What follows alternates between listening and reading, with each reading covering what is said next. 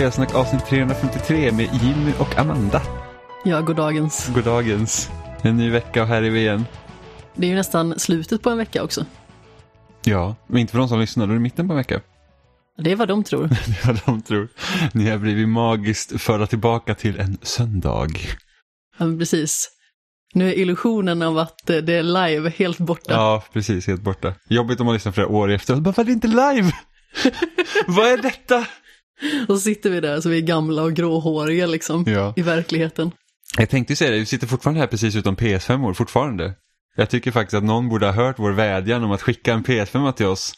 Ja, Stefan skickade ju tekniskt sett en Playstation 5 till oss. Ja, men jag tror han missförstod lite. Liksom, var väldigt, alltså, jag hade hört att det skulle vara en big boy. Det det var väldigt likt ett A4-papper. Svartvitt dessutom. Jag tycker att Stefan är lite snål som inte ens skickar ett, ett, en, en bild på en PS5 i färg. Han kanske tycker att vi är så gråa Ja. så att det skulle matcha oss. Jag, jag känner liksom, det är lite så här att, liksom, visst, man har gått till postkontoret, man har köpt kuvert, man har köpt frimärken, man har skrivit ut en bild på en PS5 och Förmodligen på jobbet. förmodligen på, ja precis, för att Stefan har säkert en skrivare i tåget. Just det. Tänkte inte på det. De kanske har ett kontor, okej? Ja, i tåget. Men inte i tåget. Stefan sitter där multitaskar, byter spår och skriver ut bilder. Men jag tänkte att man kanske har ett kontor i anslutning till att man börjar jobba. Förmodligen har han ett kontor. Han kan, jo, för han, ibland sitter han på jour. Eller eh, Konjour. konjour. Men man, jag vet, jag förut så hade han, jag vet inte om han jobbar kvar på samma bolag, men då när han jobbade så då, då satt han ibland på jour och då satt han i kontoret. Och då kunde han liksom sitta där med typ en 360 och spela Reach. Kommer jag ihåg. Du ser, Mm. Men i alla fall, det är ändå roligt. Att han eh, har eh, med sig en skrivare på jobbet. Han sitter så ja jag vet, han har en sån här, eh, han har en sån här kamera som skriver ut diabild, eller sån här bild, sån här kvadratformat. Så att man tagit ett kort så, så, så skriver han ut bild, det är sån han har. I A4-format. Så han tog en bild, det måste vara en väldigt, väldigt stor kamera i så fall. ah, ja, han har en jättestor kamera. Så han, har, han, tog med sig sin, jä- han tog med sin jättestora A4-formade iPad. Och så tog han en bild på en PS5 på Google, han sökte på Google. Eller han kanske säger alternativ och söker på Bing. Som, som, som, det är därför vi inte fick den i färg, för jag tror att Bing inte har PS5-bilder i färg. Och sen så fotade han sin stora iPad med sin stora skrivare, kamera, och fick en bild på den. Så, det är därför den är svartvit också. Det här gjorde mig inget klokare, det var mer förvirrande skulle jag vilja påstå. Äsch, Stefan vet vad vi pratar om, han har gjort det här. Jag kan ju tänka mig också att så högt upp i landet som han bor, där har de liksom inte färg. Det, det är faktiskt ganska chockerande att de har skrivare till och med. Liksom, jag trodde först att det är först nu de börjar gräva telefonlinjer. De har ju renar som drar tågen också. ja. Tomten vet allt om det. Det är nu det kommer fram att det är Stefan som är tomten. Ja, jag tycker att han, liksom vadå, varför hamnar jag på hans naughty list? Ja, det, det vet bara Stefan. Ja. Dumma Stefan. Men vi har ju fort, vi, vi har ingen PS5 än, även om vissa vill tro att vi har en PS5. Med sin generösa eh, postutdelning. Jaha, jag trodde du menade att det fanns andra som trodde att vi hade Ja, Playstation det, 5. men det kanske finns andra som tror att vi har PS5. Vi vill, för, för protokollets skull, vi har inte en PS5. Ingen av oss. Nej, inte än i alla fall. Eh, och... Men så vi, vi har liksom passat på att spela eh, lite gammal skåpmat. Eller ja, gammal Skåpmat skåpmat. och skåpmat. Ja, men fan, han har släppts för typ över en månad sedan, då är det gammalt. Ja, men precis. Det börjar bli lite härsket över det här laget. precis. Det är så här, usch, gud. Men det kommer rätt så mycket spel nu i december också, som jag är intresserad av. Ja, ja, jag kan inte komma på några, men visst. cyberskunk. Men sen, Cyberpunk kommer ju, men så, så kommer den här Pokémon-klonen Temtem kommer till PS4, slash PS5, som vi inte har. Ja, just det. Ja. Vi har ju en Playstation 4 dock. ja, precis. Men jag behövde fortfarande förtydliga att vi inte har en PS5. Som att ingen har märkt liksom Mm, nu. mm, Alla tycker- våra ja, men- påståenden om ja. att vi inte har en Playstation 5. Mm, Stefan. Ehm, så det kommer. Sen kommer Dragon Quest 11 på Game Pass, vilket jag är väldigt sugen på att spela. Sen är det någonting mer jag tänker på som jag inte kommer på nu. Här, jag sa, sa det här till dig igår, jag bara, det kommer så mycket spel nu i början. Just det, den här... Jag tror att det var de tre du nämnde faktiskt. Jag vet, men också också att det var jättemycket spel som kommer. Ja, det är jätte, tre spel i december, det är mycket. Sen kommer det här Immortals Phoenix Rising också, vilket jag är lite sugen på. Men jag har spelat så mycket Assassin's Creed det senaste så jag tror att jag inte behöver ha ett till spel som är Assassin's Creed Cartoon liksom. Nej, alltså Jag behöver ju inte ha Assassin's Creed i mitt liv i allmänhet känns det som. Så ett till utöver det känns som ytterligare överflöd. Mm. Men ändå väldigt fascinerad över att de har släppt tre spel ganska nära på varandra som, Just det, som har Precis, som, som har förmodligen väldigt liknande struktur. Även om ja, med Watch Dogs ska man hacka massa grejer och Assassin's Creed, ja, det är Assassin's Creed. Och sen där Immortals Phoenix Rising, det är vad det är. Men i alla fall, eh, liksom lite samma, samma stuk på det. Så, att, eh, så att jag tror jag väntar med det spelet i alla fall. Jag känner mig inte jättesugen på det. Alltså det ser väl lite charmigt ut, men jag vet inte riktigt. Jag är inte jätteintresserad om jag ska vara helt ärlig. Nej, alltså jag, vi hade ju en förtitt på det på loading, så jag, jag klippte ihop video och sådär. Så att jag har ju suttit och sett ganska mycket material, typ fyra timmar har jag liksom scrollat igenom gång på gång för att hitta bra liksom, videoklipp för att sätta ihop den videon. Men det, alltså det såg rätt så kul, alltså det är, så här, det är lite så här, det spelet översköljs lite så här, haha pappa-humor. Vilket är så att när man har sett det liksom flera gånger så, så bara, ja men det, ligger, det är lite charmigt ändå. Som typ när Susie uppe på ett berg så har han fångat en annan karaktär som jag inte kommer ihåg vad han heter. Och, eh, och så vad heter det, så, så bråkar de det och han bara, men du, du har liksom hållit fast här uppe. Han bara, jag gjorde det utav kärlek liksom, du vet. Lite så här slapstick-humor nästan. Ja, fast pappahumor är ju väldigt mycket ditt varumärke. Nej. För att inte vara pappa så har du väldigt mycket pappahumor. När? Hur? Exempelvis i redaktionschatten på loading, det var första gången jag upptäckte att du hade pappahumor. Då var det i alla fall att jag frågade om inte du också skulle döpa dig till ett fånigt namn och du döpte dig till ett fånigt namn. Men det var ju enkelt. Det var ju öppet mål. Kan inte missa den chansen. Det är också pappahumor. Ja, men, ja, men mer. Det, det var ju jättelänge sedan nu. Jag har ingenting Nej, eh, just det. rakt av så, men det var det första som jag kom att tänka Ja. på. Det var verkligen sådär pappahumor. Om jag ska inte säga att jag är någon pappahumors konnässör. Faktiskt. Hörde så här eh, stand-up shower med pappahumor. ja, när man står upp. Hmm. On brand, säger jag bara. Men eh, vi har inte spelat Phoenix. Jag, jag spelar jättemycket mer Assassin's Creed. Det har du. Ja, alltså det tog... Oförskämt mycket skulle jag vilja alltså påstå. väldigt mycket. Alltså, fortfarande, jag, jag tror jag har nämnt i podden flera gånger så här, typ att varje gång de utannonserar ett nytt Assassin's Creed, speciellt efter, jag kommer ihåg efter Origins som de utannonserade att Odyssey ska komma ett år efter Origins. Så jag bara, ja ah, men då kanske liksom ett mindre Assassin's Creed som kommer så himla fort. Alltså Odyssey var ju typ så här, dubbelt så stort som Origins. Minst. Och sen så när de nu tog så här, när det här vikinga Assassin's Creed och Valhalla skulle komma, så, ah, men, så kom det ut så här att ah, men det är inte lika stort som eh, Odyssey. Och sen, Jaha. och sen så bara, ah, nej men det är den största kartan vi någonsin har gjort. Och man bara, hur ska ni ha det egentligen? Är det större eller inte större? Men då tänker man så att, ah, men de kanske, det kanske inte är lika stort liksom. För att Odyssey var ganska liksom överfullt av, överfyllt av grejer. Eh, och, och det här är ännu större. Alltså det tog mig 65 timmar att ta mig igenom berättelsen. Ja, sen så tänker jag så här att nu har ju de haft ett år ytterligare på sig Mm. att göra ett större spel. Så de tänker bara så här att ja, nej men vad ska vi göra med all den här tid vi har nu istället för att skita ut det här spelet så fort som möjligt. Nej, men vi gör det dubbelt så stort, det är lika bra. Kom igen nu grabbar, vi behöver ett område till. Ja, nu känns det inte lika liksom, alltså i Odyssey så var du ju tvungen att i princip liksom göra massa jobbiga saker för att kunna ta dig vidare. Här behöver du inte göra det, alltså man behöver inte gå efter de här sidogrejerna som, som finns på kartan. Men det är så alla skitsaker kommer fram, gissar jag. Att de har varit tvungna att krysta ut det. De här typ eh, snubben som bajsar i sitt eget hem. Ja fast de grejerna är ju faktiskt roligare. För det, det känns ju liksom så att det, det är roligare att göra de grejerna där, där liksom lite så här väldigt kiss och bajshumor kommer upp emellanåt. Liksom det är ändå så här att okej här är en grej som jag inte har sett förut. Medan när man liksom typ, ja men här går jag efter de här artefakterna så man kan hitta så här gamla eh, grejer från romarriket till exempel. De, de gör ju ingenting, man, man tar bara upp dem. Eh, jo, förvisso kan man byta dem sen i sitt eget läge, kan man byta dem mot statyer och sånt som man kan liksom sätta upp i... Fast det i, känns i, som att den här bajshumorn blir lite uttjatad ändå. alltså, både, Det händer ju ganska så många gånger. Det är ju dels den här eh, bajssnubben i huset Ja. och någon som behövde, var det något ägg för Ja, att kunna man, fisa? man, ska samla, man ska samla ormägg så att den kunde fisa i brunnen. Eh, så att det stank jätte- Men jag, jag vet det är jättemycket sånt, vilket är lite lustigt för att huvudstoryn har inget blaj i sig. Det är liksom, det är knappt ens humor.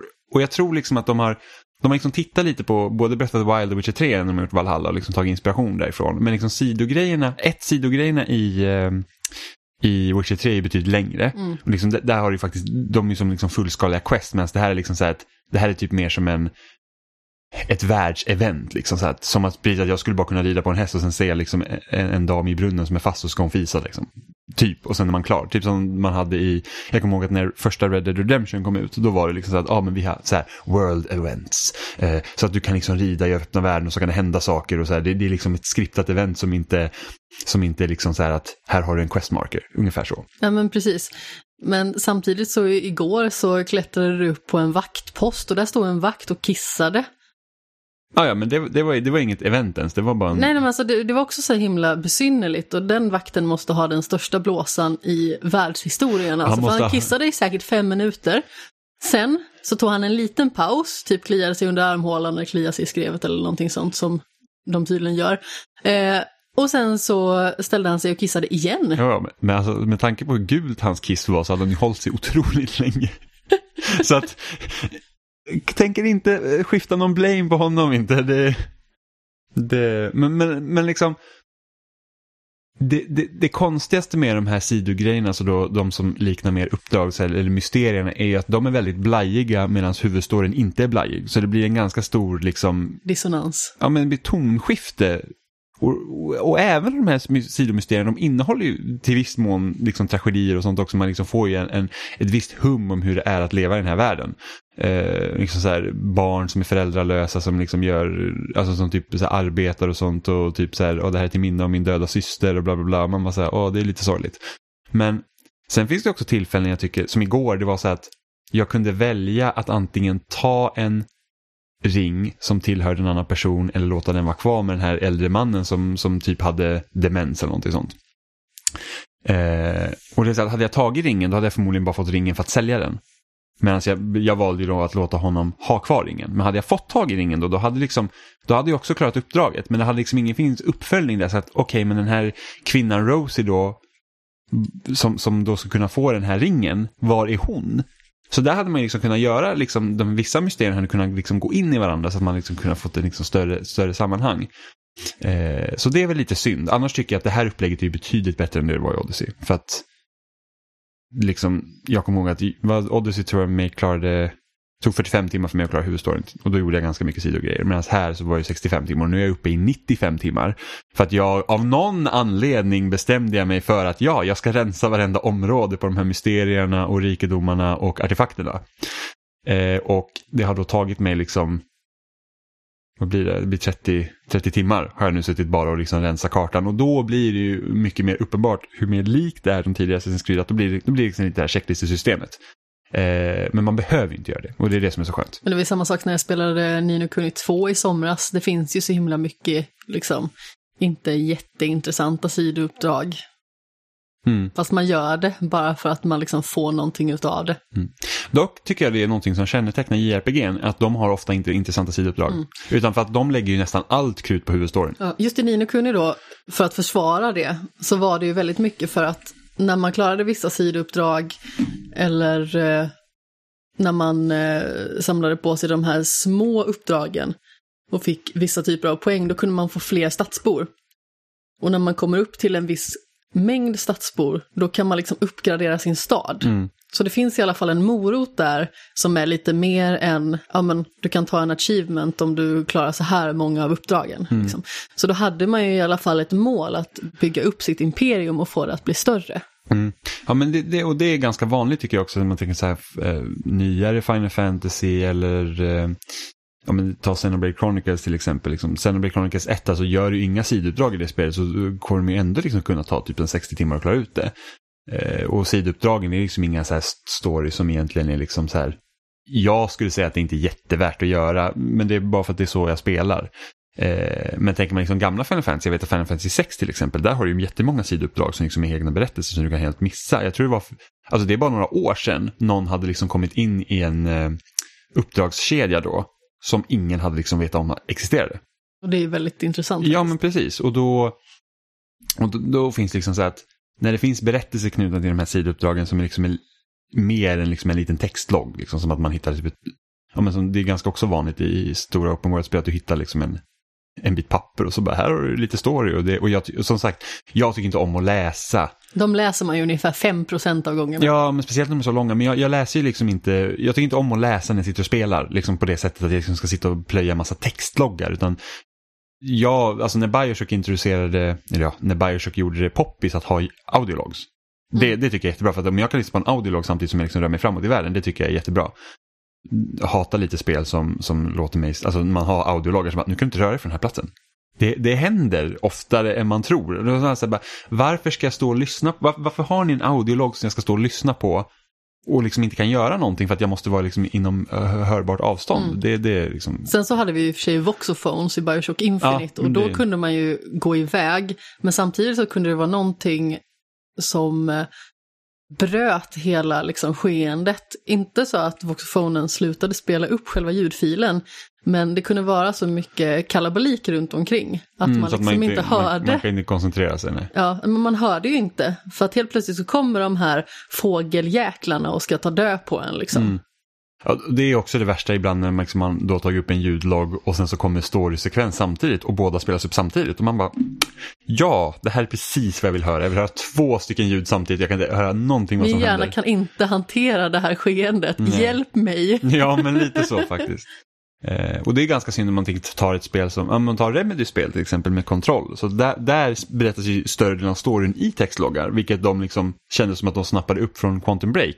Och även om Quantum Break liksom hade en tv-serie knuten till sig och massa cutscenes så berättades mycket, eh, alltså stor del av spelet genom textloggar också. Mm. Och, vilk, och så var inte riktigt med Alan Wake minns jag. Men, men det blir också så att Visst, alltså inte, inte för att de inte sitter och liksom, liksom omsorgsfullt skriver de här grejerna liksom för att utöka liksom världsbyggnad och sånt där. Liksom sånt får man ju uppskatta, men jag tycker att det blir tradigt. Första timmen i kontroll tyckte jag var jättespännande och liksom leta rätt på allting. Man bara, åh, här ligger ett dokument som man kan kolla på. Mm. Och sen, det blir ju så tradigt, jag spelade inte det så jättemycket efter det.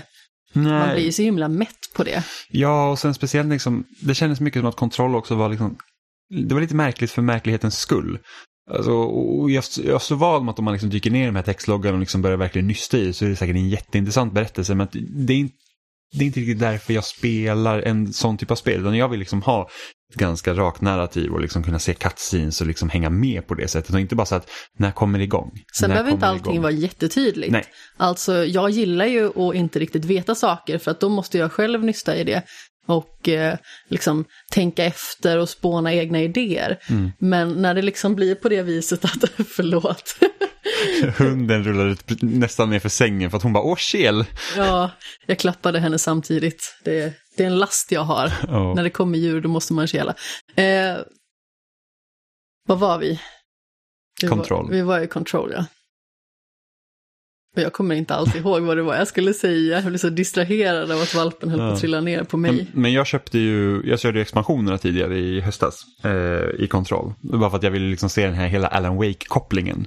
Ja. Men det blir också så att det var mer kontroll och det blir liksom det var väl kul att se lite Alan Wake-grejer men det blir liksom inte riktigt så att Alltså jag, jag, jag gillade Jag kan inte säga att jag gillar Alan Wake jättemycket. Jag kommer ihåg att jag var ganska irriterad på det spelet när det kom. Men liksom, den typen av upplevelser som Remedy har gjort fram till kontroll, det är den typen jag föredrar. Liksom att det är ett ganska starkt narrativ. Det är, liksom, det är lite som en tv-serie. Eh, och det, det, det, det är så jag skulle vilja ha det. Jag tror att jag skulle säga innan i alla fall att vill jag läsa i ett spel, då köper jag ett textbaserat spel. Ja, Alltså, nu är inte jag eh, klar med det för att det har kommit massa andra spel som jag har spelat, men jag köpte ju det här Coffee Talk till exempel, där man är på ett café och liksom eh, är en så osynlig karaktär. Man kan liksom inte se sig själv, utan du utgår liksom ifrån ett första persons perspektiv i mångt och mycket. Man står bara bakom en eh, kafédisk och Mm. eh, pratar med folk eller överhör konversationer och sånt. Och då är det liksom baserat på att man ska läsa vad Mm. som händer. Och det är skillnad för att då är det liksom presenterat till en från början. mm. ja, men det är inte som att man liksom köper ett actionspel och sen så bara, ja men nu ska jag läsa massa grejer. Eller, Ja, liksom men så vad att, kul att läsa hundra sidor, det kan jag ju inte göra på min fritid. nej, eller att man köper en visuell novell och så bara, "Va- va- varför ska jag bara läsa för? Liksom, det, det är lite vad man har för liksom, ingång. Men, men generellt sett så tycker jag inte att det är jättespännande att läsa eh, i spel. Mm, The Last of Us eh, gjorde det ganska bra. eh, Det De första gjorde spelet. det väldigt för att, för att bra. liksom, det, Andra också. Ja, jag tyckte det var bättre i första. Tyckte Jo, men första spelet är också Typ- typ, eh, hälften så kort. ja, ungefär Ja, men hälften så för kort. det är liksom, speciellt när man går igenom kloakerna. Liksom när man får följa, för att text, textloggarna är så korta, liksom det, det, du läser det på någon minut bara. Det är som en notis mer. Mm. Och då gör det det mer intressant på något vis. Och sen så, alltså även i tvåan så tyckte jag att det var roligt att liksom, eller roligt och roligt, det är ju en väldigt sargad värld, men det är ju ändå intressant att se vad det är för texter som folk lämnar efter sig. Typ så här, det här är sista meddelandet en person har lämnat till någon. Mm. Precis. Men du gillar Assassin's Creed Valhalla i alla fall. Ja, jag, alltså jag tycker, alltså jag annars hade jag inte fortsatt spela det, för jag, jag tog en liten Fast paus. man kan också ha det som skadebeteende. Jo, Det är men... samma sak med de här kikärtskakorna som vi äter och du bara, ah, jag får så ont i magen, Jag borde inte jätteont i magen." äta dem. Och sen så nästa dag så ser jag att det saknas typ fyra stycken. Bara, har du ätit kikärtskakor nu? Ja, Bara men- ja, men det var så gott. Bara så det är självskadebeteende De du håller på med. Du har ett problem. Ja, men jag tog en liten paus eh, när jag blev klar med Valhalla och så spelade jag Yakuza Kiwami emellan. Men sen så var det så att vad ska jag spela nu? Och sen så, som sagt, det kommer lite spel nu i början av december som jag vill spela. Och då så att, okej, men jag vill, inte, jag vill inte hoppa direkt på Yakuza Kiwami 2 för att det, det är liksom lite mycket av den varan då.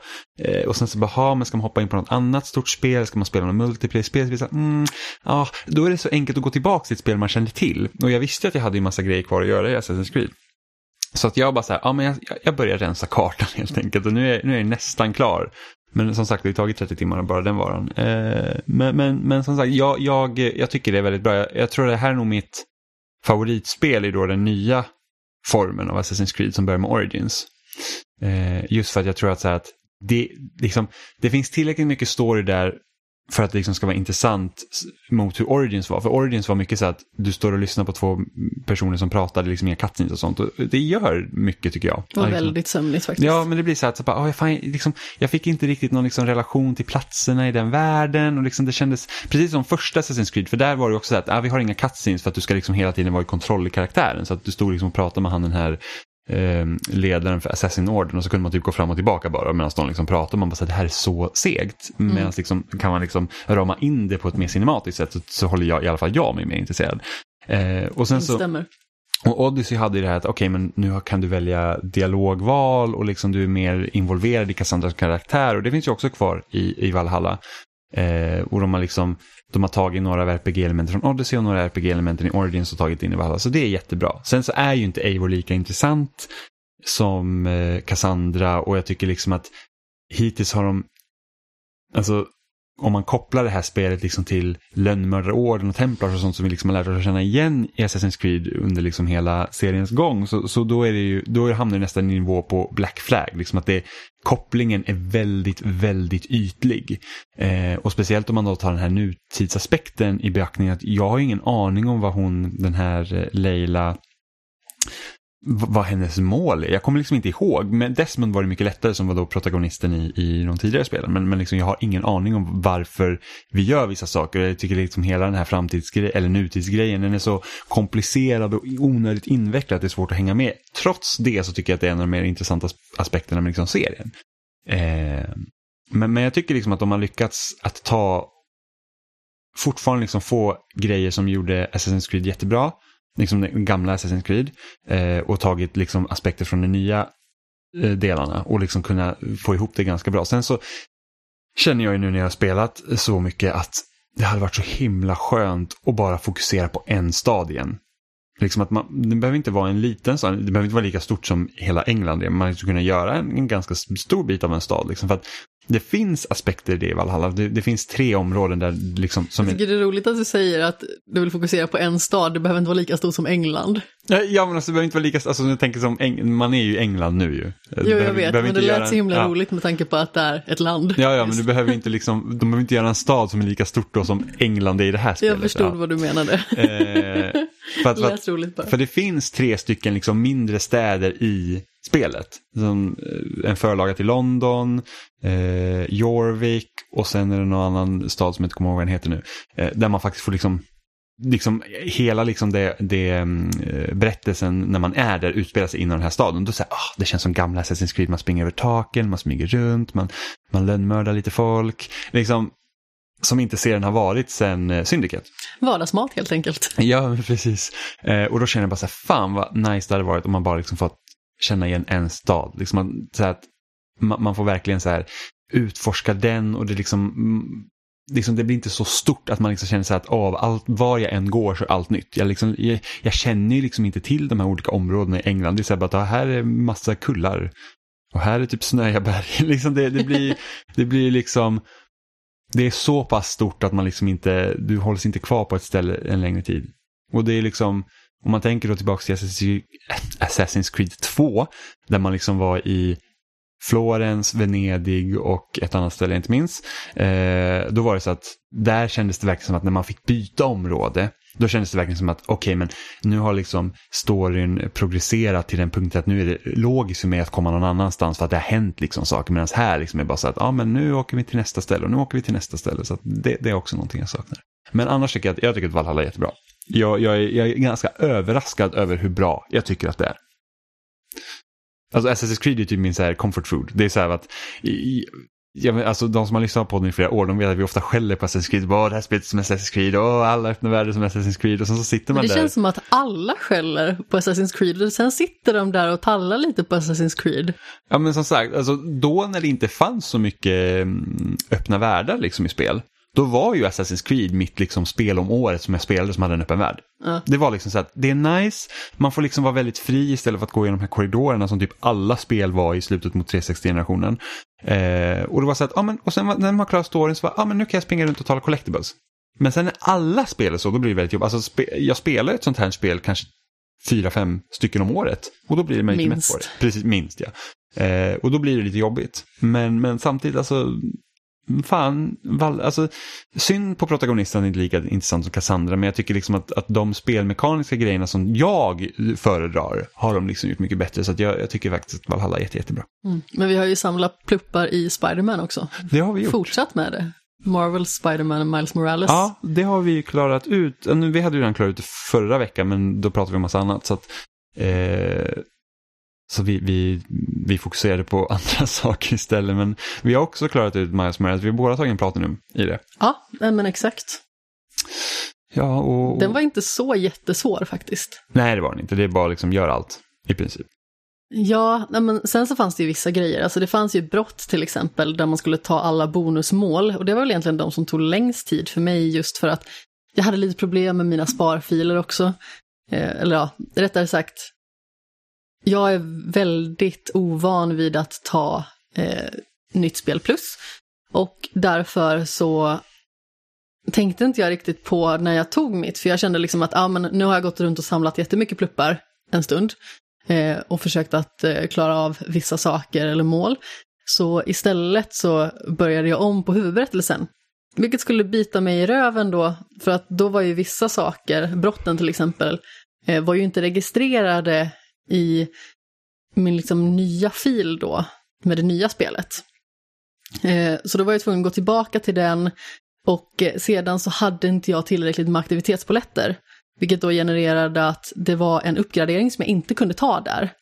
Så då var det ett mål av de här brottsmålen som jag inte kunde göra mm. när jag hade tagit nästan alla. Så då var jag tvungen att göra om alla dem en gång till. Ja, du hade lite problem. Eh, och sen så var jag tvungen att göra om eh, de här eh, aktiviteterna i appen också. Alltså mm. de här vanliga aktiviteterna, vardagsaktiviteterna liksom.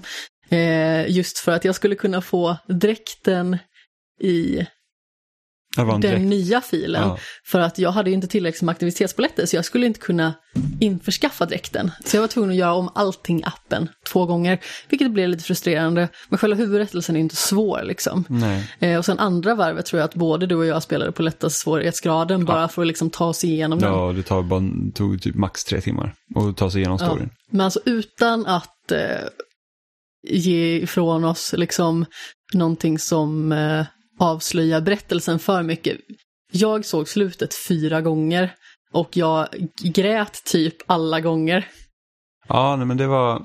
Det, det, har, det tycker jag ändå de har lyckats bra med, både i Miles Morales och eh, Spiderman från 2018 då, liksom att de, de har ett sätt att berätta historien som gör att man, man dras med väldigt lätt. Alltså det, och inte så att liksom, ah, det känns så himla lättsmält på det sättet, liksom, utan det, det, är liksom, jag tror att de tar tillvara på de här hjältarna rätt så bra. Ja, och jag tycker att de tog vara på karaktärerna ännu bättre i det här spelet. Alltså, jag tycker jätte, jättemycket om Spider-Man från 2018. Alltså, verkligen jättemycket. Jag tror att det är väl topp 15 från eh, liksom föregående decenniet. Det är ett spel som verkligen ligger mig jättevarmt om hjärtat och ett spel som verkligen eh, men liksom triggade igång den här pluppdjävulen i mig på något vis. Men berättelsen var för lång, tyckte jag. Alltså den var så pass lång, så det är väldigt långa sekvenser alltså i mitt huvud där jag inte kommer ihåg exakt vad som hände. Eller liksom, jag känner ju att det är lite större berg att bestiga att spela om första Spiderman. Eh, om jag vill ta platinum med det för att det var så himla långt. Alltså det är jätteroligt.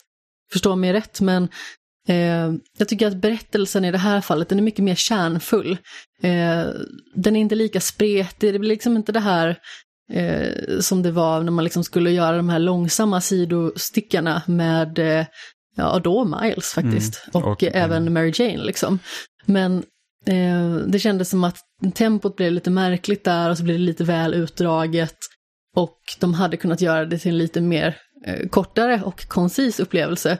Och i det här fallet så tycker jag att eh, karaktärerna är väldigt eh, älskvärda. Alltså även skurken, The Tinkerer, eh, när man får reda på vem det är, utan att återigen eh, avslöja någonting, eh, då bryr man sig om skurken. Mm. Eh, för att det är liksom inte en skurk som är eh, skurk med lillfingret i mungipan, vilket det liksom inte är i första spelet heller på samma sätt. Men här var det verkligen eh, på ett helt annat vis.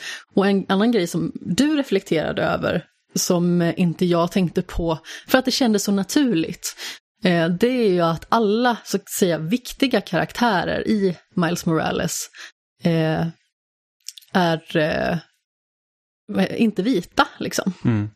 Eh, det är väldigt solid representation eh, från liksom hela världen egentligen. Mm. Eh, Ja, den, enda, den, den enda som är vit i skurken liksom. Ja, precis, alltså- och sen, och sen den, de gånger Peter är med. Liksom. ja, nej men alltså inte, inte liksom eh, då Tinker, utan eh, du tänker ju på precis, Simon han- Krieg Ja, som, som, som, är, som, har, som har det här skurkiga företaget. Ja, ja, Roxon. Eh, precis. Och Det, det är liksom någonting som eh, man liksom pratar om representation och sånt och hur viktigt det är. Eh, så tycker jag liksom att det, det är väldigt bra liksom att, att, de, att de gör en sån, sån grej också. Och att de också gör en eh, inte så subtil Black Lives Matter eh, i spelet, det är också fantastiskt. Mm. Och, och jag vet liksom att folk ofta brukar säga att ah, man vill inte ha att, liksom att det ska liksom inte tryckas upp så mycket och det blir liksom för, nästan för, ehm, för tydligt sådana grejer. Men alltså ärligt talat, det behövs egentligen att vara så tydligt. Så länge det inte är accepterat så, så är det bara att trycka upp det liksom. Ja, jag tycker att det var en fantastisk Ja. upplevelse och när du nämnde det Mm. så reflekterade jag över också och det gjorde mig väldigt glad. Mm. Liksom att eh, de har skapat en så fin kärna i liksom vad spelet handlar om, vad spelet representerar. Mm. Eh, och framförallt liksom att det, det visar också personer som inte har det så lätt liksom, Mm. ofta i samhället och får utstå mycket. Mm. Och jag tror att det är många som inte riktigt eh, ser dem. Just för att det liksom inte är framför näsan på dem. Mm. Men sen också, ta också beaktning liksom vem Miles är. För att Miles är liksom en, han är liksom hälften svart, hälften puertorican tror jag. Mm. Eh, och, och liksom så att på grund av hans bakgrund så kommer han också ha en annan upplevelse. Han, han är liksom inte Peter. Han är Mm. liksom Miles eh, och, och vart han kommer ifrån eh, spelar roll. Sen hade jag hoppats på kanske att de skulle liksom djupdyka lite mer i det. Liksom att, att, Ja, vem Miles är kanske. ja, men inte bara vem Miles är, liksom också vart, liksom att vem han är spelar liksom större roll nästan. Eh, Mm. Kanske inte liksom på den nivån som de gjorde till exempel i Mafia 3. Liksom var så att om du var, alltså, då spelade man, då var man också svart. Mm. Eh, och sen gick du i rika områden så var polisen mycket misstänksamma mot dig för att du är svart. Mm. Och, liksom kanske, och det vet jag att spelet har fått lite kritik för det också, att det, det är liksom de delarna du är som Miles själv liksom, och liksom relationen till polisen och liksom till sitt område och sådana grejer, att det kanske liksom är lite för lättsamt möjligtvis. Sen så kanske inte Miles Morales är liksom det spel som man kanske behöver göra alla de här grejerna, men det, det är liksom ändå en tanke som att man kanske skulle liksom för jag vet ju inte hur det är liksom att leva som den typen av personen i New York. Liksom, för att det har jag inte gjort och kan inte göra. Men, men liksom så att hur är det liksom och ska vi representera, hur nära verkligheten ska man representeras? Eh... Ja, men det som blir så himla fint i spelet tycker jag, det är ju liksom att det blir så himla tydligt hur viktig Miles är för invånarna i Harlem liksom. Mm. I slutändan. Alltså som Spiderman. Det är liksom ja. deras Spiderman. Ja. Ja, de... Det är den Spiderman som de kan relatera till. Den som verkligen eh, på liksom ett själsligt vis bryr sig om dem. Till ja, fullo. Och, och sen om man tänker inte vad Spiderman står för, liksom att Friendly Neighborhood Spiderman, mm. så blir det ju väldigt så här att det är klart liksom att, att stå upp för den, liksom, den lille människan om man säger så. Eh, så att det, det är väldigt bra. Så jag hoppas verkligen att de fortsätter liksom på det spåret och sen så inför då ett Spiderman 2. Eh, Eller ett 3. Ja, precis. Men om man tänker liksom Alltså den riktiga uppföljaren till 2018. Eh, ja, jag förstår vad du menar. Ja, inte för att liksom förminska någonting liksom Miles Morales gör, men alltså som sagt, jag tycker att Miles Morales skulle förtjäna att ha ett eget full, alltså stort spel Jag tycker själv. Miles Morales är ett bättre spel än det 2018. Jag vet att det är jättemånga som inte håller med mig. Eh, jag vet att Martin håller med mig. Om du lyssnar, tummen upp. Eh, och det är liksom någonting som jag hoppas att de bygger vidare på. Eh, du skulle säga någonting om ett kommande. Ja, liksom det här att att man liksom bygger vidare då på händelser som har hänt här. Jag hoppas, liksom att man, jag hoppas man får spela som Miles även i tvåan. Eh, mer än smyguppdrag. Liksom att, för nu har vi faktiskt två Spidermans. Eh, och att man får... Spiderman. Spiderman. och att man får liksom, eh, liksom se hur, eh, hur händelsen i det här spelet har påverkat honom. Eh, för att det är liksom ganska stora grejer som händer. Det är väldigt viktiga grejer som händer liksom för hans karaktärsutveckling. Mm. Så, så jag hoppas verkligen att de, de eh, liksom verkligen dyker ner. Och jag vet att de kan ju för att, för om det är något jag tycker att det första Spiderman visade på, och det är väl något som är, liksom, eftersom det här spelet är mycket kortare så får man inte se det lika väl. Eh, och det är det här liksom att min favoritdel från första Spiderman är just det att eh, Peters relation med eh, Dr. Octopus. Mm. Är det, liksom att det är något som byggs upp under hela spelet verkligen. Alltså, och det ja, den progressionen ja, är väldigt och, och, viktig, det, alltså även för spelaren. Ja, och det är därför jag tror liksom också att eh, det kan nog hända att jag håller det Spiderman lite högre just för att det fick liksom ta tid, den tiden fick det ta. Det är någonting jag saknar härifrån att, att Miles relation med vissa karaktärer det kanske skulle kunna, man kanske kan ha fått lite mer av det. Kanske lite mer, men de känns ändå så etablerade sen tidigare. Alltså om vi liksom går in på när karaktärerna kommer in i själva spelet, så känns det som att de har funnits med honom så länge så att man känner det själv på oh, något vis. Absolut, det håller jag med om. Jag Till skillnad från i vissa andra liksom, upplevelser, oavsett om det är spel eller film eller serie, liksom, ja. så känns det ibland som att karaktärer inte känner varandra så på djupet, så därför kan man liksom inte um, få kontakt med dem själv på samma vis. Mm. Men jag hoppas ju liksom i, i kommande uppföljare, som med största sannolikhet kommer att hända, det vet vi ju alla, så hoppas jag ju att man eh, som minst får spela hälften med Miles. Eh, om det kommer liksom bli någon form av 50-50, eh, vilket jag tror skulle kunna hända i och med att de har etablerat båda karaktärerna så pass väl, Eh, så hoppas jag ju att eh, Miles får lika mycket utrymme som Peter, att de liksom inte åsidosätter honom för att han är en så viktig karaktär. Han är viktigare än vad Peter är, tycker jag.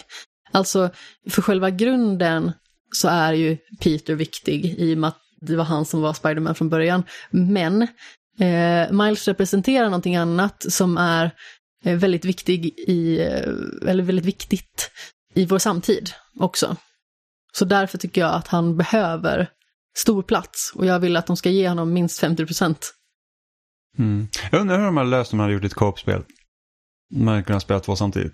Gud vad kul det hade mm. varit. Men, jag undrar, men jag undrar hur det hade funkat. Hade det funkat med striderna? Hade det funkat när man svingar sig runt i staden? Ja.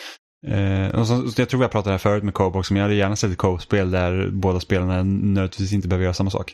Mm. Liksom att säga att vi är på samma uppdrag men jag har ett mål och du har ett mål. Och sen så får man liksom försöka då ta i beaktning vad händer om den ena tar längre tid på så man inte behöver vänta och bla bla mm. sådana grejer. Eh, så, så det hade jag jättegärna velat säga. Sen, oj, förlåt. Nej, nej, nej, nej säg, säg, vad skulle du säga. Nej, men typ att, men säg att du och jag hade spelat ett uh, Spiderman ihop där mm. den ena karaktären är Peter eller mm. den ena personen är uh, Miles då. Uh, och sedan så går man och gör liksom respektive spluppar, Mm. om man säger så. Och sedan så kan man liksom själv då sammanstråla och bestämma att "Men nu vill vi göra ett huvuduppdrag. Och då gör man det tillsammans. Mm. Ja, Det så, hade varit roligt. så hade, det hade ju gått att göra typ så att liksom man spelar single player och sen så här kommer liksom ett, då ett, ett, uppdrag där man eh, måste vara två. Så antingen kan man ju bara slumpmässigt hamna ihop med någon annan Ja. eller så spelar man då tillsammans. Det Mm. hade ju funkat. Eh, men det, det jag hoppas med nu när de har liksom visat att de har haft ett, lite, ett mindre spel med Miles Morales är att jag skulle jättegärna vilja se ett spel med Spider-Gwen. Gwen Stacy, ja. Mm. Precis. Eh, det, det hade också liksom varit att nu, nu är det så att Miles Morales tillhör egentligen inte samma universum som Peter Parker och Spider-Gwen tillhör inte samma eh, universum som eh, de andra utan det är liksom hela Marvels multiverse och bla bla bla. Men eftersom nu Miles och Peter är liksom i samma skulle man även kunna introducera eh, Spider-Gwen. Ja, absolut. Och i och med att vi liksom inte har fått eh, bekanta oss med Gwen Stacy i själva de här två tidigare spelen, så Nej. är det ju definitivt görbart. Ja, och, och, Eller alltså, även om man hade gjort det tidigare också så hade det kanske varit görbart. ja. Men eh, då kanske de hade etablerat karaktären på ett annat Ja, vis. för vad jag vill minnas så är inte Gwen Stacy ens nämns någonstans. För att Gwen Stacy är ju såklart Peter Parkers första liksom kärleksintresse innan MJ. Eh, men hon skulle ju kunna liksom, alltså hon behöver inte vara någon kärleksintresse men hon skulle kunna vara i samma ålder som Miles. Ja, Liksom att, att Peter har MJ, liksom, de är ju vapendragare säger vi. Mm. Och sen så skulle, skulle då eh, Miles och Gwen liksom vara på samma nivå liksom, Mm. åldersmässigt och sådär. Så, så det eller varit, så kanske hon helt plötsligt är typ tio år äldre än de andra och har mer erfarenhet och bara så här smugit i skuggorna. ja jo, men jag hade ju tänkt att hon blir liksom biten i Ja, förstår. Ja. Men eh, jag, jag tycker verkligen om Spider-Man Miles Morales. Jag tycker det är jättebra. Det är definitivt ett av årets två bästa spel. Så specifikt. Ja, jo, men jag kan inte välja bland mina barn, okej? Oj, oj, oj. Men eh, du har inte bara spelat Spider-Man. Du har spelat, du du har spelat fotbollsspel, vilket vi andra är så himla förtjusta i. Ja, och det är inte Fifa jag ska prata om, faktiskt. För jag har spelat Alpaca Ball All Stars. Och vad är det? Alltså det låter ju festligt bara på namnet, eller hur? Det är ett spel av österrikiska eh, Salt Castle Studio. Eh, som är belägna i Salzburg. Och eh, det handlar helt enkelt om att man eh, ska spela bollsport som alpackor. Alltså jag har ju spelat karriären framförallt. Det finns ju också så att man kan eh, spela eh, multiläge och sådär. Där man liksom kan välja olika typer av scenarion eller olika inställningar som gör att eh, man kan ta sig igenom matcher på olika vis. Men det är liksom i mångt och mycket två lag som möter varandra, två mål, jätteolika förutsättningar på väldigt olika banor. Målet är liksom att vinna världskuppen i mångt och mycket. Och då färdas man bland olika platser, Machu Picchu, London Stadium till exempel, eller vulkanen Etna, eh, stranden i eh, Valencia, Alperna.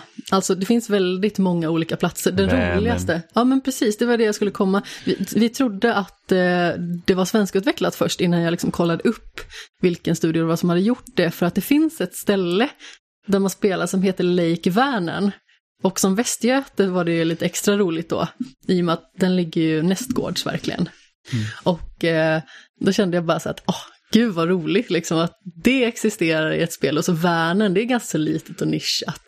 Alltså visst, det är en av Sveriges största sjöar. jo, men jag känner så att man men det är måste ju ändå typ, skojigt. alltså man måste typ ha varit i Sverige för att veta om det. ja, liksom, det- det, det känns som liksom att- inte som någonting man bara drar ur röven. Nej, sådär men bara. liksom, vet inte, Vänern har väl liksom ingen så här världslig historia på det sättet. Nej, men liksom, precis. Och sen så var det ju typ så här att man fick spela i en isrink med en puck också. Mm, Så det är ju väldigt olika förutsättningar som är på de olika banorna och vissa så kan det vara liksom så här multimoment, att det händer jättemånga olika saker och det skiftar mellan olika typer av bollar som man spelar med. Helt plötsligt så kommer ett bältdjur rullande över planen eller slingrar sig en orm.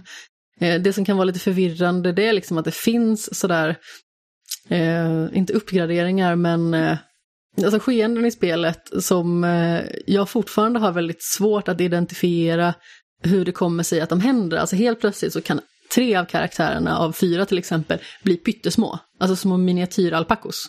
Alpakas. Alpakor. kör vi alla böjningsformer på alpacka. Ett, två, tre. Alpackor tar vi, det var lika bra. Eller helt plötsligt så får en av dem All packning. helt plötsligt får en jättelång hals eller helt plötsligt så får någon någon form av specialskott och sådana grejer. Det är jätteförvirrande. Jag har verkligen inte lyckats lista ut vad det är som eh, utlöser de här skeendena. Så det kan vara väldigt förvirrande och helt plötsligt så kan det vara en i motståndarlaget som har någon form av fjärrstyrd funktion. Så helt plötsligt bara singlar bollen liksom runt den som en liten båge, vilket man blir arg av om man spelar karriärläget och eh, håller på att vinna. Eh, Spelet bara not anymore.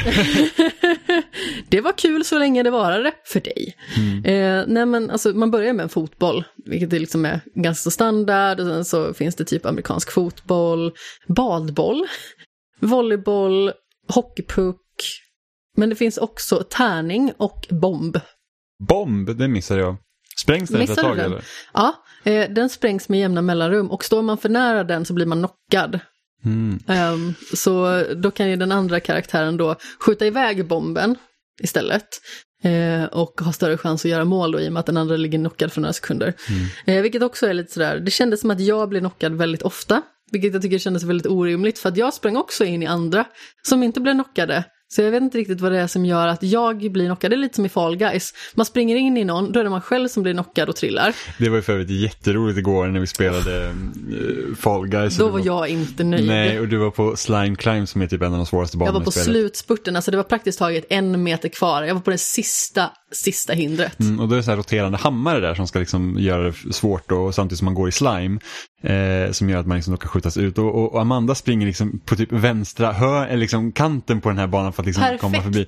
Och liksom har, har kryssat sig igenom den här jäkla hammaren och liksom se mållinjen. Liksom. Det, är, det är nästan som att man liksom typ sträcka ut lillfingret och nudda mållinjen. Och helt plötsligt så kommer en böna, alltså då en, en annan karaktär i spelet, flygandes, knockar den i huvudet och de båda åker ut. Ja, alltså då var jag inte nöjd. Alltså jag var ju på väg in i mål. Jag var precis vid mållinjen Ja, alltså, och verkligen. knockad Ja. av banan. Det är så himla orimligt verkligen. Mm. Alltså det var väldigt roligt för att du å andra sidan, eh, du skulle spela den här, eh, ja, det, var, det var någon hinderbana i Ja, alla men jag, fall. jag tror det var The Whirly De, jo, precis, det måste det varit för de hade gjort om den där så att det var massa roterande plattor så gick så jävla fort så jag ramlade ner hela tiden så det var Ja. nära att jag inte hann med. Så du hade jättesvårt för det här och du var liksom 42 personen som kom uppspringande och så var det en person som grabbade tag i dig precis vid mållinjen och du så här, hytte med näven åt himlen och bara varför jag? Helt i det var tre upplösningstillstånd. personer som var ganska nära varandra och den, den här personen bara dök på mig. Alltså det var verkligen så här, dig ska jag ha.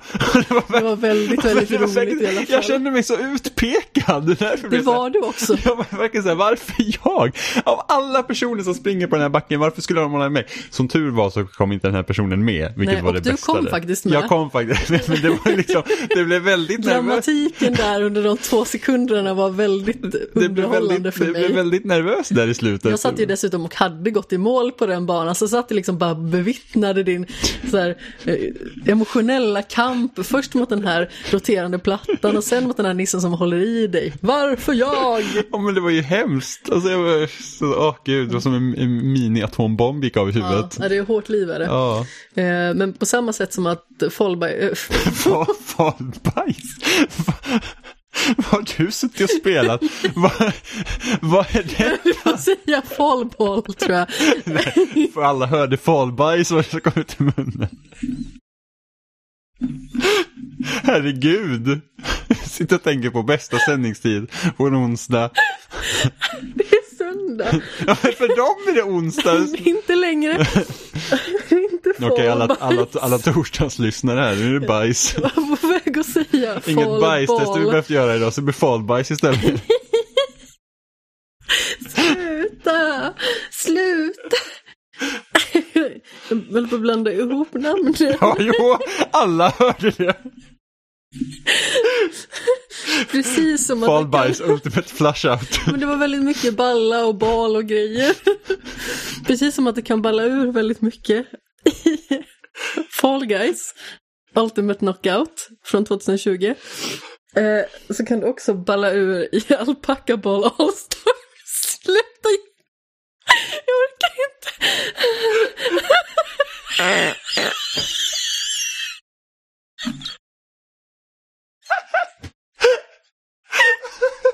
Slut! Det här avsnittet kommer kallas för fallbajs. oj, oj, oj. Oh, jag får kramp i magen. I alla fall, det kan palla ur på ställen Det är ju spel. Och ett är alpackaboll. Och man kan bli knockad och man kan bli sprängd. Och man kan flyga ut ur arenan. Eh, och helt plötsligt så tycker man att man har ett bra överläge. Och sluta skratta åt mig. Jag försöker hålla samman saker. Åh gud, jag fyller Ja. 30 om ett halvår. Ja, du, du tycker att bajs är det roligaste som finns. Fallbajs.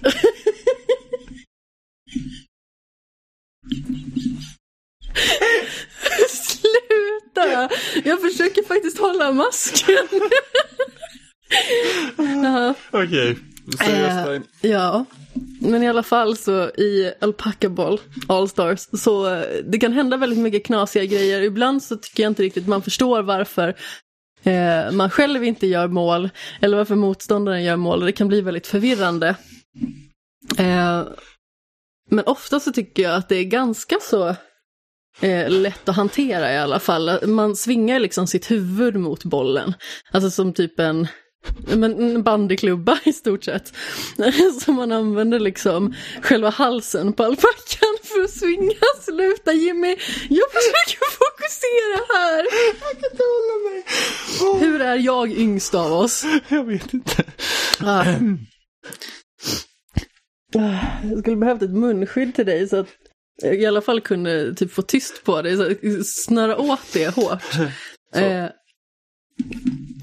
Men det kan kännas väldigt sladdrigt i alla fall, eh, rent eh, fysikmässigt. Så man kan liksom eh, flänga runt med sin alpacka och eh, eh, när man ska svinga halsen så känns det ibland som att man tycker att det borde liksom träffas perfekt på bollen. Men det gör det inte och man förstår liksom inte riktigt alltid varför. Men som sagt, det är lite oklart ibland det här spelet. Men samtidigt så kan det vara väldigt roligt också. Alltså i synnerhet när man vinner såklart, för att jag är tävlingsmänniska och jag tycker det är kul att vinna. Eh, men, men som sagt, i och med att det kan vara lite förvirrande kan det bli väldigt frustrerande när det inte går ens väg. Eh, du vet ju, det var ju flera gånger mot, man möter, jag tror att det är pappa, alpacka. I någon form, ja men precis, i någon form av drömsekvens. Det var jätteförvirrande, man är uppe i något moln och grejer. Eh, och den skithålan har ju så här radiostyrd funktion. Så den nissen gjorde så jättemycket mål där bollen liksom bara gick runt den hela tiden utan liksom förklarlig anledning. Och det Jag var typ körde skitsnörande. 90 graders sväng helt plötsligt bara mål. Ja men du såg ju det också. Jag försökte få dig att se det i början och du bara Åh, va? Åh, jag missade. Och sen så till slut så eh, kollade du och bara så okej, ja men du, du menade verkligen allvar. Det var liksom inte att jag bara satt och överdrev, vilket det skulle kunna ha varit, precis som du. Eh, Jag överdriver aldrig. Du har gråt på glasögonen. eh, Fallbajs. Sluta. Eh, nej men som sagt, det är ett roligt spel. Eh, det är väl liksom framförallt ett eh, partyspel snarare än liksom ett seriöst sportspel. Eh, av förklarliga anledningar. Bara namnet avslöjar ju en del. Det är alpackor, okej. Ursäkta mig. Alltså, jag vet inte vad som hände där. Fast å andra sidan så alltså, löjliga spelidéer behöver ju liksom inte för den sakens skull menas bara i partyspel. Liksom, Nej, ta, alltså- ta Rocket League till exempel. Ja, men alltså Fall Guys. Ja, Återigen. Fall Guys. Mm. det är du som ska... Ja, jag vet. Men att det blev liksom en blandning mellan guys och ball, det var liksom dagens miss. Och Oliver är inte ens här. Nej, precis.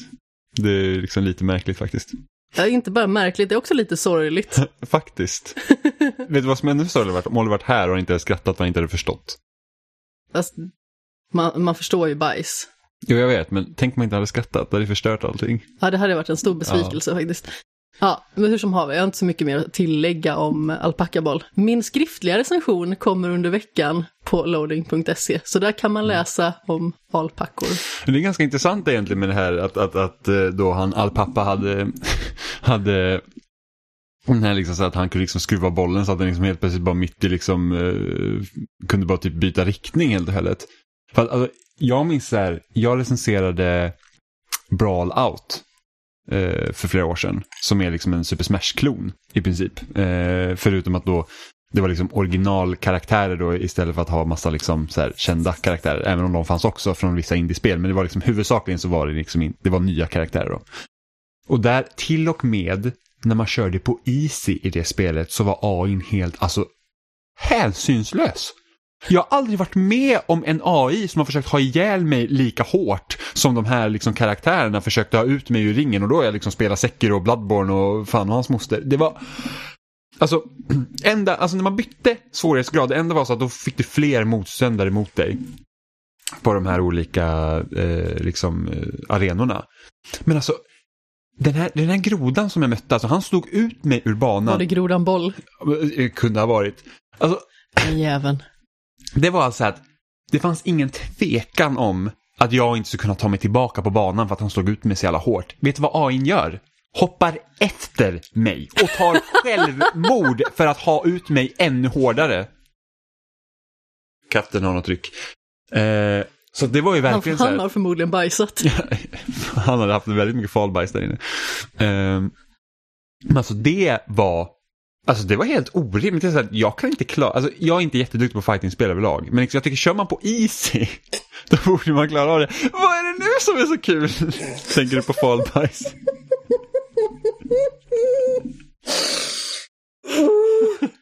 Det är väldigt tidigt också. Eller okej, väldigt Det är det tidigt. inte. Nej, okej, lite väldigt Vi kan tidigt. inte skylla på det. Vi har varit uppe sedan halv åtta. Jag har sovit dåligt i natt, okej? Mhm. Mm, så jag är alltid trött.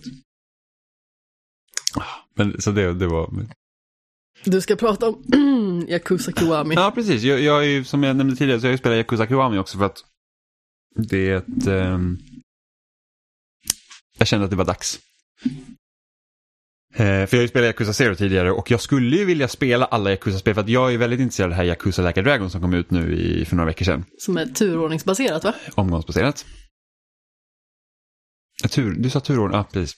Ignorera mig. Det är bara att Os när Oskar rättade våra recensioner, vi fick inte skriva turbaserat. Nej, för att eh, turbaserat indikerar på att det skulle vara slumpmässigt. Precis, men du sa turordning.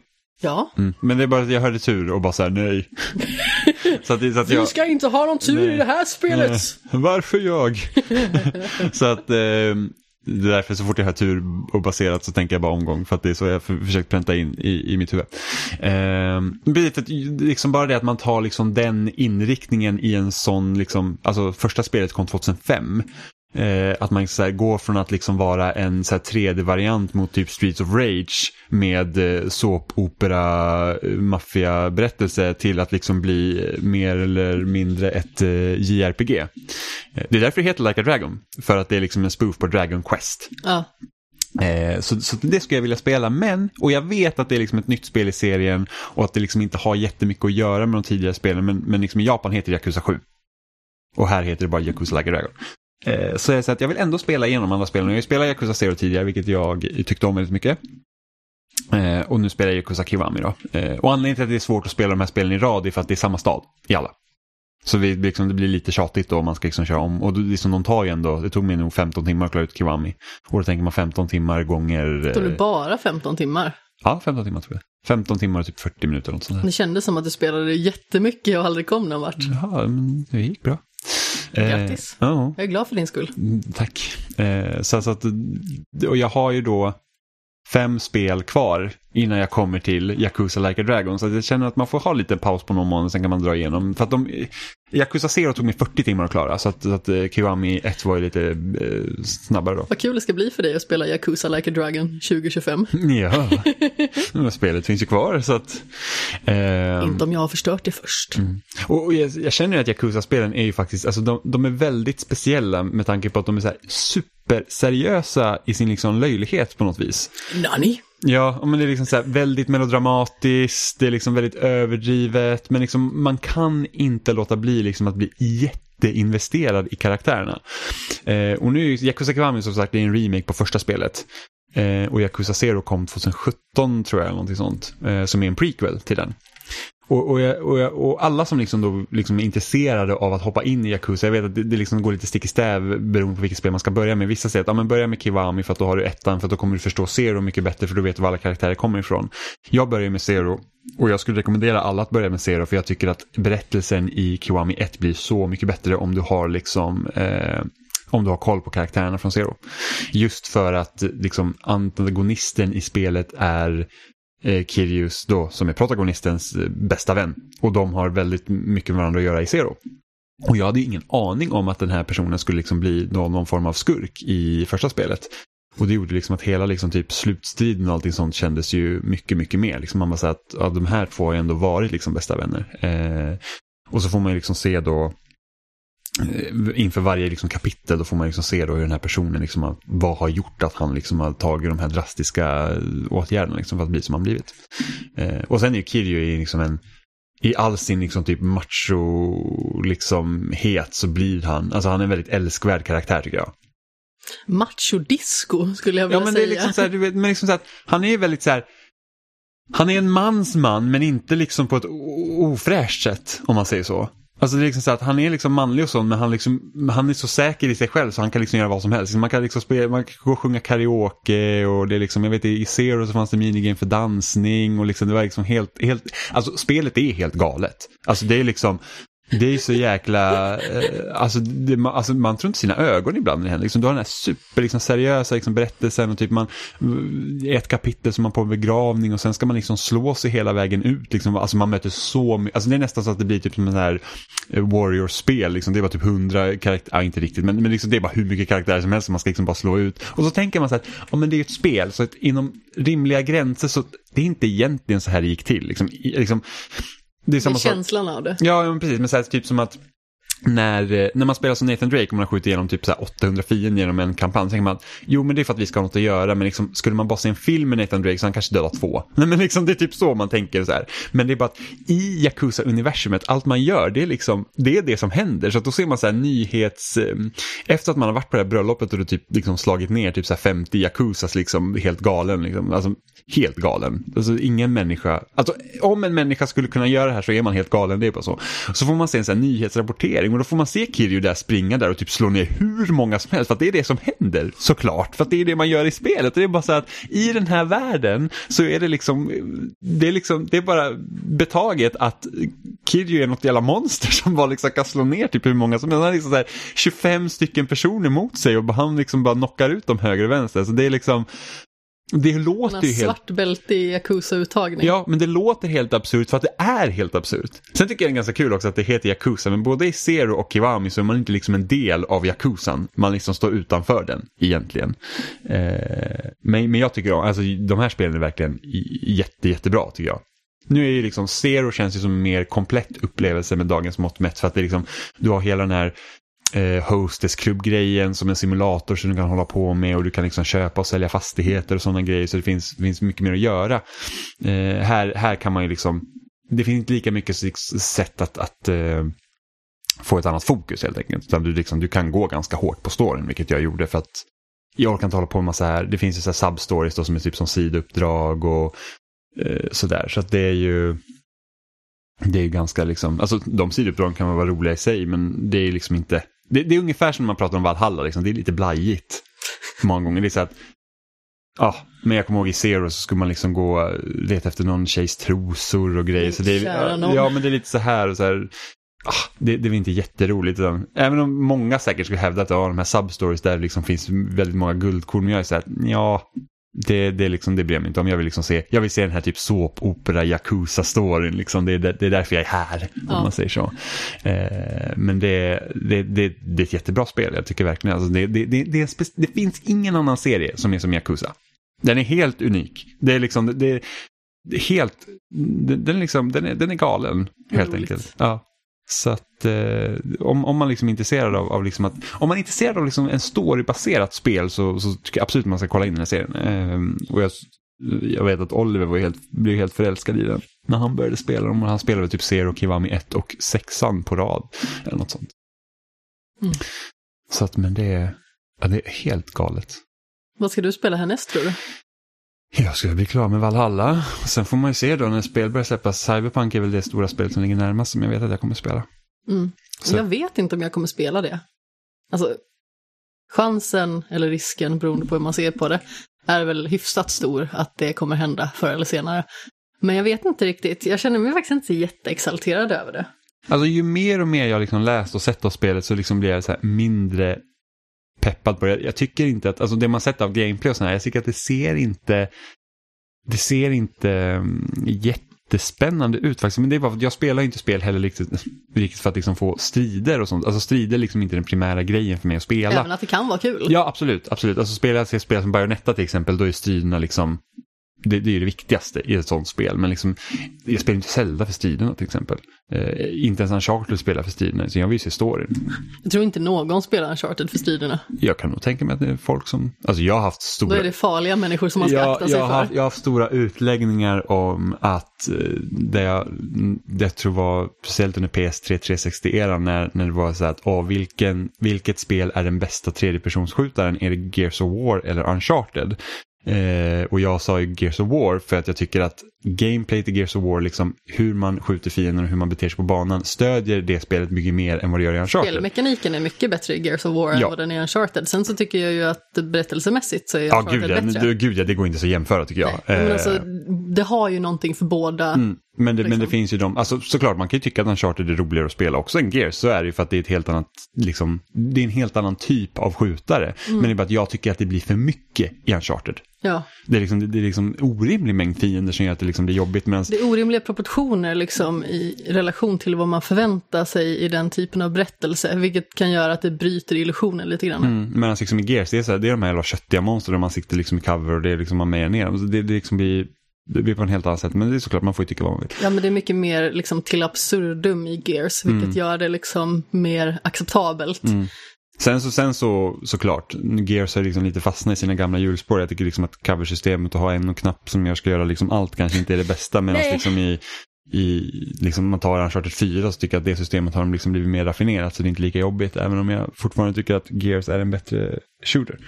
Ja, Eh, men så det, jag vet inte ens vad vi börjar prata om här så vi kommer in på det här. vad du skulle spela härnäst. Ja, just det. Eh, vad jag ska spela härnäst, jag vet inte. Jag är väldigt sugen på att kolla in Temtem när det kommer till konsol nu. Eh, Mm. Som är den här Pokémon-klonen. För att, alltså, så jag vet inte hur mycket jag pratade egentligen om Pokémon Sword och Shield eh, förra året när jag spelade, med, eller ja, i våras när jag klarade ut det. Men det var liksom så att det händer för lite i Pokémon för att jag ska hålla mig intresserad. Jag vill liksom, det är liksom inte riktigt, det är inte den spänningen jag vill ha och det har vi också pratat om hur mycket som helst. Eh, och så hoppas jag liksom med Temtem, helt nya monster och se liksom, och, och vilka system har de ändrat som gör att det liksom känns, och sen är det ett helt, det, det är ett MMO så att det är ju helt online. Mm. Så det ska bli kul att se vad, vad, vad, hur det känns. Ja. Jag ska nog spela klart eh, Devil May Cry 5 härnäst. Mm, tycker att jag kommit i, in i ett ganska så bra flyt sedan jag eh, klarade kampanjen i Alpaca Ball Allstars, vilket var igår. Ehm, så jag har spelat eh, några timmar nu och känner att jag kommit in i flytet igen. Ehm, sedan så blir det med stor sannolikhet God of War. Men vi får se. Alltså, God of War känns som en sån här titel där jag bara måste, måste, måste vara på humör för att spela den. Så det kan vara att jag faktiskt väntar med den också till julledigheten. Jag kommer ju vara ledig i sådär 16-17 dagar eller någonting sånt. Så då känner jag att då kan man ju plöja en del timmar i sträck. Och när man har jobbat i eh, nästan åtta timmar då känner man sig inte lika häftig och sätta sig och spela, tycker inte jag. För att jag, eh, som sagt, jag stiger upp tidigt, jag går och lägger mig sent, jag tar en gubbalur mitt på dagen. Eh, och så får jag liksom spela ut efter det. Så jag tror att God of War, för att liksom kunna ge spelet dess eh, liksom ultimata uppmärksamhet som jag ändå tycker att det förtjänar, eh, så tror jag att ledigheten kommer passa bra till det. Sen i somras till exempel så hade jag ju både Nino Kuni och Nier Automata som var jättelånga upplevelser liksom eh, efter varandra. Så därför kändes det som att då var det inte riktigt lägligt att ta God of War heller. Jag hade tenta samma dag God of War släpptes och jag Ja. vaknade fyra på morgonen som en unge på julafton och jag bara så här, jag kan spela God of War nu och så satt jag och körde till, eh, klart första bossen. Roligt. Och sen gick jag och skrev tenta. Och sen så gick det hem och spela. Nej, för vi skulle träffas med klassen efteråt så jag var ju borta Usch. hela dagen. Obehagligt. Ja, alltså vi hade, vi hade ju trevligt med klassen också men det var verkligen som att säga, skulle spela God of War. Du bara så, "Ah, jag måste hem till hunden. Det är jättebra ursäkt, Ja. alltid. Ah, måste hem till hunden. Att man måste hem till katterna är inte en lika bra ursäkt. Ja, nej, Och de bara, "Ah, de klarar väl sig. ja, jag måste ut med hund. Jag måste ut med katten. Ja, precis. Men jag tror det var allt vi hade för den här veckan. Ja, Mm, det med var nog. falbajs och allting. ja. Ja. Eh, men ni hittar oss som vanligt på spelsnack.com. Där finns också länkar till alla andra ställen vi finns som i princip vilken podcast-app ni helst vill. Spotify, YouTube kommer upp också. Jag vet inte om det är så många som lyssnar på YouTube längre. Jag vet att det var väldigt poppis i början av vår poddkarriär att folk faktiskt tittade på YouTube. Jag tittade, satte på en YouTube-video och sen lät det gå. Eh, men inte längre. Det är också nästan tio år sedan. Ja, det är det. Ja, vi skaffade på, på YouTube-kontot senare. Jaha, okej. Ursäkta mig. Jag kommer inte ihåg när jag satte upp YouTube-konton. Det kan ha varit 2012 eller något, så nästan eh, tio år sedan. Men Spotify är det allt fler som lyssnar på, märker jag. Så det är kul. Eh, följ oss på Twitter, Instagram, Spelsnackpodd. Eh, så får ni också veta när nya avsnitt och sånt kommer. Gå in på loading.se. Kommentera avsnitten, mejla till oss på spelsnack... Eh, nej, på kontaktet spelsnack... Jo, kontakt.spelsnack.com, ja, precis. Jag frågar inte mig, jag har för dålig koll på Ja, sånt det, där. det är vår mail, eh, säger vi nu. Eh, och loading.se såklart, och läs våra recensioner och allt vad vi skriver och hittar på där. Så Gör allt. gör allt. Och så hörs vi igen eh, nästa vecka. Och så tackar vi Stefan för den fina bilden på PS5, som inte var i färg. Stefan. Puss i ljumsken.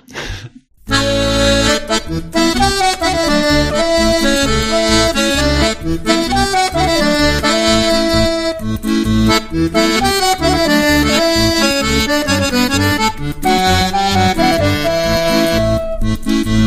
you.